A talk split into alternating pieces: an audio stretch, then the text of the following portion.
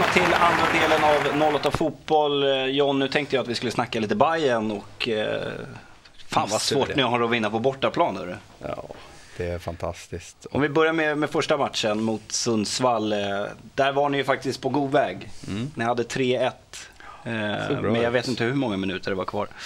Det var rätt mycket 20. kvar, över 20 till och med tror jag till, faktiskt att det var när vi gjorde tre. Och då ska man ju hålla en 3-1-ledning.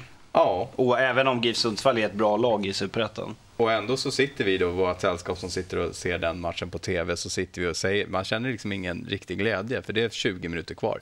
Man vet att vi kan förlora med 6-3, alltså det är inget problem.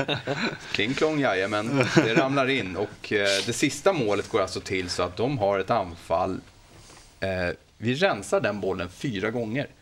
Men våra rensningar är ju kvali- ja, pojkar Är de från, eh, eh, 2004. Är det samma som du beskrev förut från hörnflaggan i eget straffområde eller? Ja, de försökte faktiskt få bort den, men de kommer inte ens ut ur straffområdet. Så bra rensningar är det. Så fjärde försöket, då går det till en kille som bara kan lyfta in den och sen så är det mål. Eh, fullständigt obegripligt om man inte kan liksom bara tagga till. Och jag sa det, att jag ser hellre att de tar med handen och kastar ut den över linjen och tar en straff om de, istället för att stå där och dutta och Fan, peta då är det illa, alltså. Ja, det är så otroligt dålig att inte kunna hålla en 3-1-ledning. Det var inte så att Sundsvall växte och började pressa. Det var fortfarande en jämn match.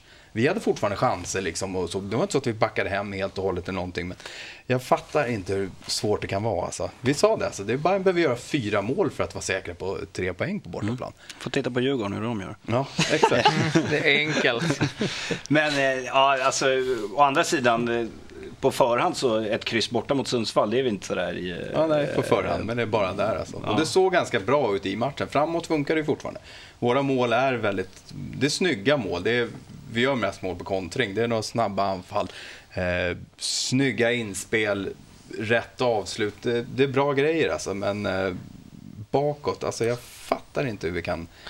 Det är lite Det är ju- jobbigt att ni gör mål på kontring där det- jag tror att motståndarna vill att de förutsätter nog att det är ni som ska föra spelet. Exakt. Eh, på så sätt så känns det inte helt okej. Jag vill ju också att Bayern ska liksom, vi ska vara de som Ja, nu är du, nu är du så lite så sedvanligt bayern arg eh, efter poängtappen. Men kan du se, är det, alltså är det, hur mycket skiljer sig taktiken och inställningen på bortaplan kontra mot hemmaplan?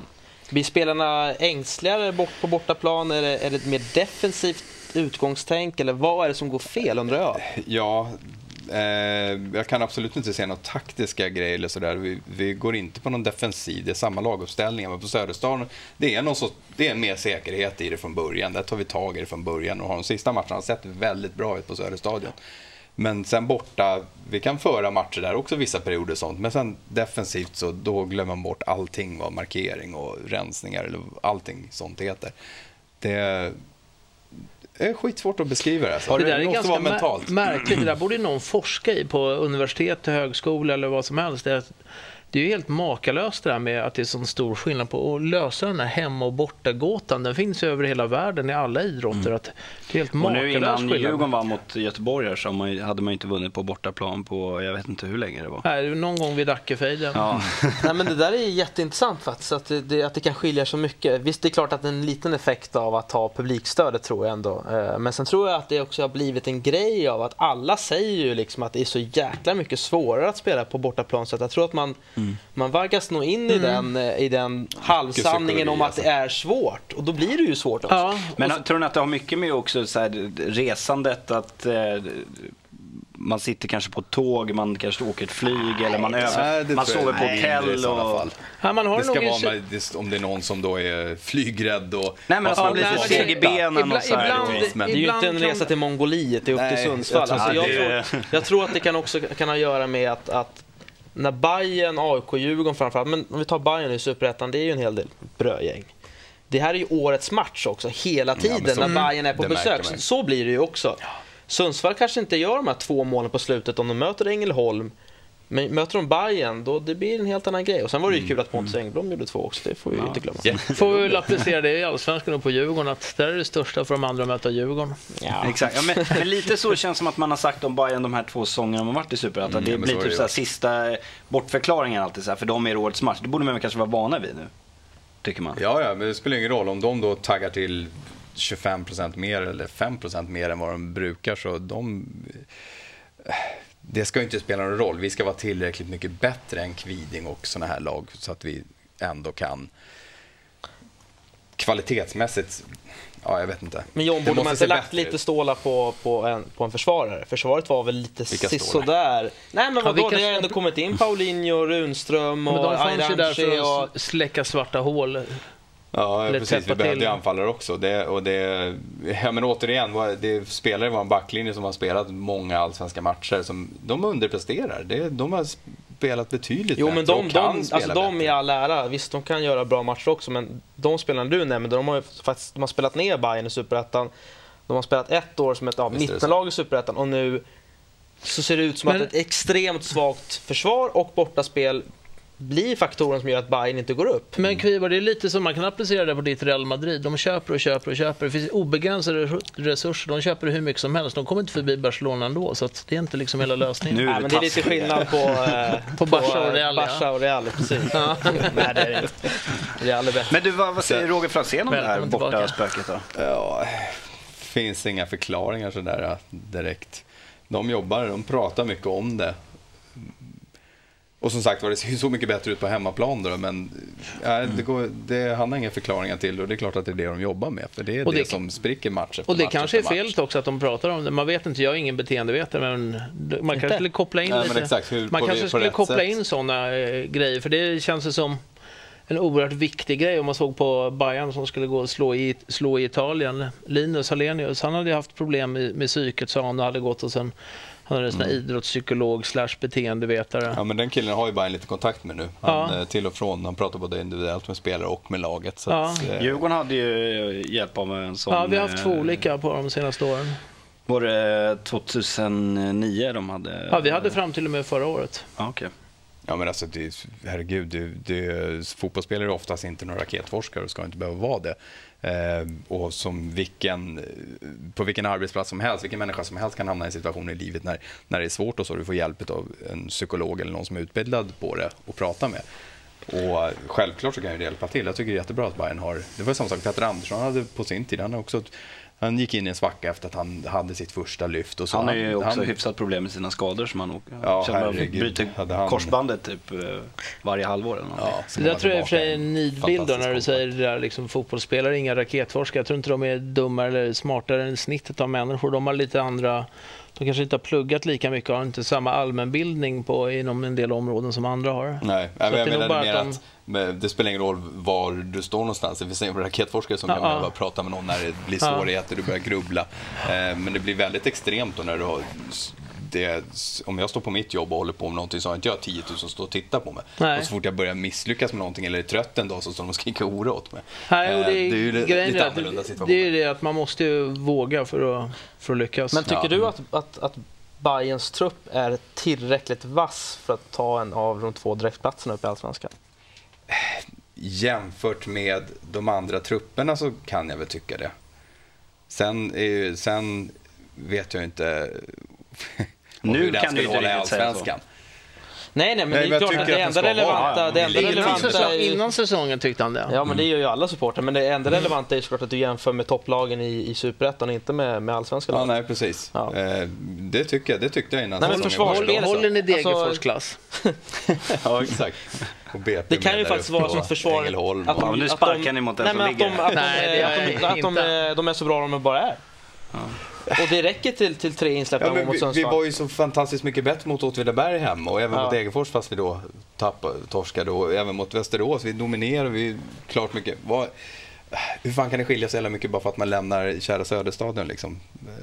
Och framförallt försvarsmässigt. För framåt har vi fortfarande, vi ska göra fler mål men det funkar ju framåt. Men nu har ni en hemmamatch snart så då tar ni tre poäng. Ja. Eh, jag kan säga bara det som, som Wille sa, att spelarna tar ju match för match och så ska det ju vara. Det är ju professionellt att jobba så här. Men vi supportrar har ju då lyxen att kunna sitta, man sitter och tittar mm, Tabeller med kurvor och... Det är ju fortfarande så jämnt i, i Superettan så att tar man två raka då, något som Bayern inte kommer göra på 2000-talet eh, då är man där uppe. Du kan ju kliva upp på en svag Spelar ni bortamatch liksom. i sista omgången? Eh, ja. Ja, då kommer ni inte gå upp. Nej, precis. Då det är klart. Eh, vi går över till något som är kanske lite roligare då för, för AIK-supportrar. Som... Det här var skitkul också. ja, det, det var i och för sig sant. Eh, som mötte Malmö FF med en viss eh, Rickard Norling på andra sidan. Hur var ja, det? Ja, det kändes jättemärkligt. Jag, jag, jag, jag, eh, jag ska inte sträcka mig så långt att jag älskar Rickard Norling, eller jo det gör jag nästan. Jag, jag tycker ju väldigt mycket om Rickard, både som tränare och som, som person. Eh, lärde känna honom rätt väl faktiskt under tiden här, när vi var ute på Karlberg och hängde. Ja, oerhört trevlig, ödmjuk och eh, bra människokännare och eh, allt det där. En tiopoängare plötsligt. trevlig. Ja, Ja, men han är, han är, fan, han är Jag, lovord bara. håller, jag håller med i varenda stavelse. Fantastisk kille. Ja, Eh, och man var ju lite, lite ledsen i ögat när han fick lämna eh, AIK eh, och framförallt på sättet. Det var nog många support som tyckte att det var, att det var en kniv i ryggen.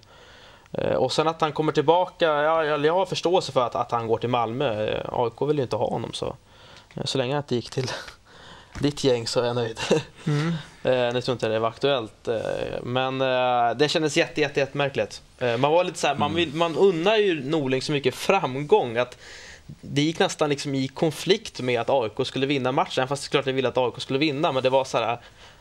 Vad fan händer med Rickard om AIK vinner? Då får han en dålig start. Fan, men på men om- den nivån men om liksom. Wilton hade stängt, dit rakt upp i krysset Nej, mot Wilton norra. skiter jag i. Det är ju en legoknäck liksom. Alltså det, Och, och Norling hade bara hoppat upp och knutit näven och bara yes. Hur hade du mått då? Och vänt sig mot Östra. Eller Nej, men det, jag tror inte han hade Norra. gjort det. Alltså Norling är ju, han är en sån tänkare, så han, han, det märker man också på intervjuer och att han, han, han tänker ju så jävla mycket. Att han, han är ju så noga med att det måste bli rätt, liksom, rätt svar och rätt agerande. Så jag tror att han, han hade sin plan utagerad, alltså dels vid gått och händelse satt vid seger det och dels vid händelse vid förlust, hur han skulle Det, reagera. är där- det är därför han säger så svåra saker. Ja, för det är ingen som kan säga exakt. om han har sagt liksom rätt Det är eller fel. vad han ingen som liksom har riktigt koll på Nej, men det var ju inte så att man trodde att han skulle göra en Sören Kratz och springa in eh, efter, efter förlusten där ett ärevarv liksom runt Fan vad fint det var ändå. Ja, jag tyckte det var coolt, men det var Det lite det var opassande. Det var småaktigt Ja. av Helsingborg däremot. Men det var fint mottagande av publiken också. Kul att, att, att det är Var det några som buade åt honom? Nej, jag hörde inte det. Men eh, det är möjligt att det var någon som gjorde det. Det, är- det är väl inte otänkbart. Eh, Men i så fall överröstas det av, av, av jublet. Var det till, får jag fråga, var det till och med när de räknade upp lagen innan att det var ju applåder då eller? När de räknade upp Ja, det var det ju absolut. Det var det. Så det, Men det, eh, står, nej, men alltså, det är det som ja, gör fotbollen också. Fan, Precis.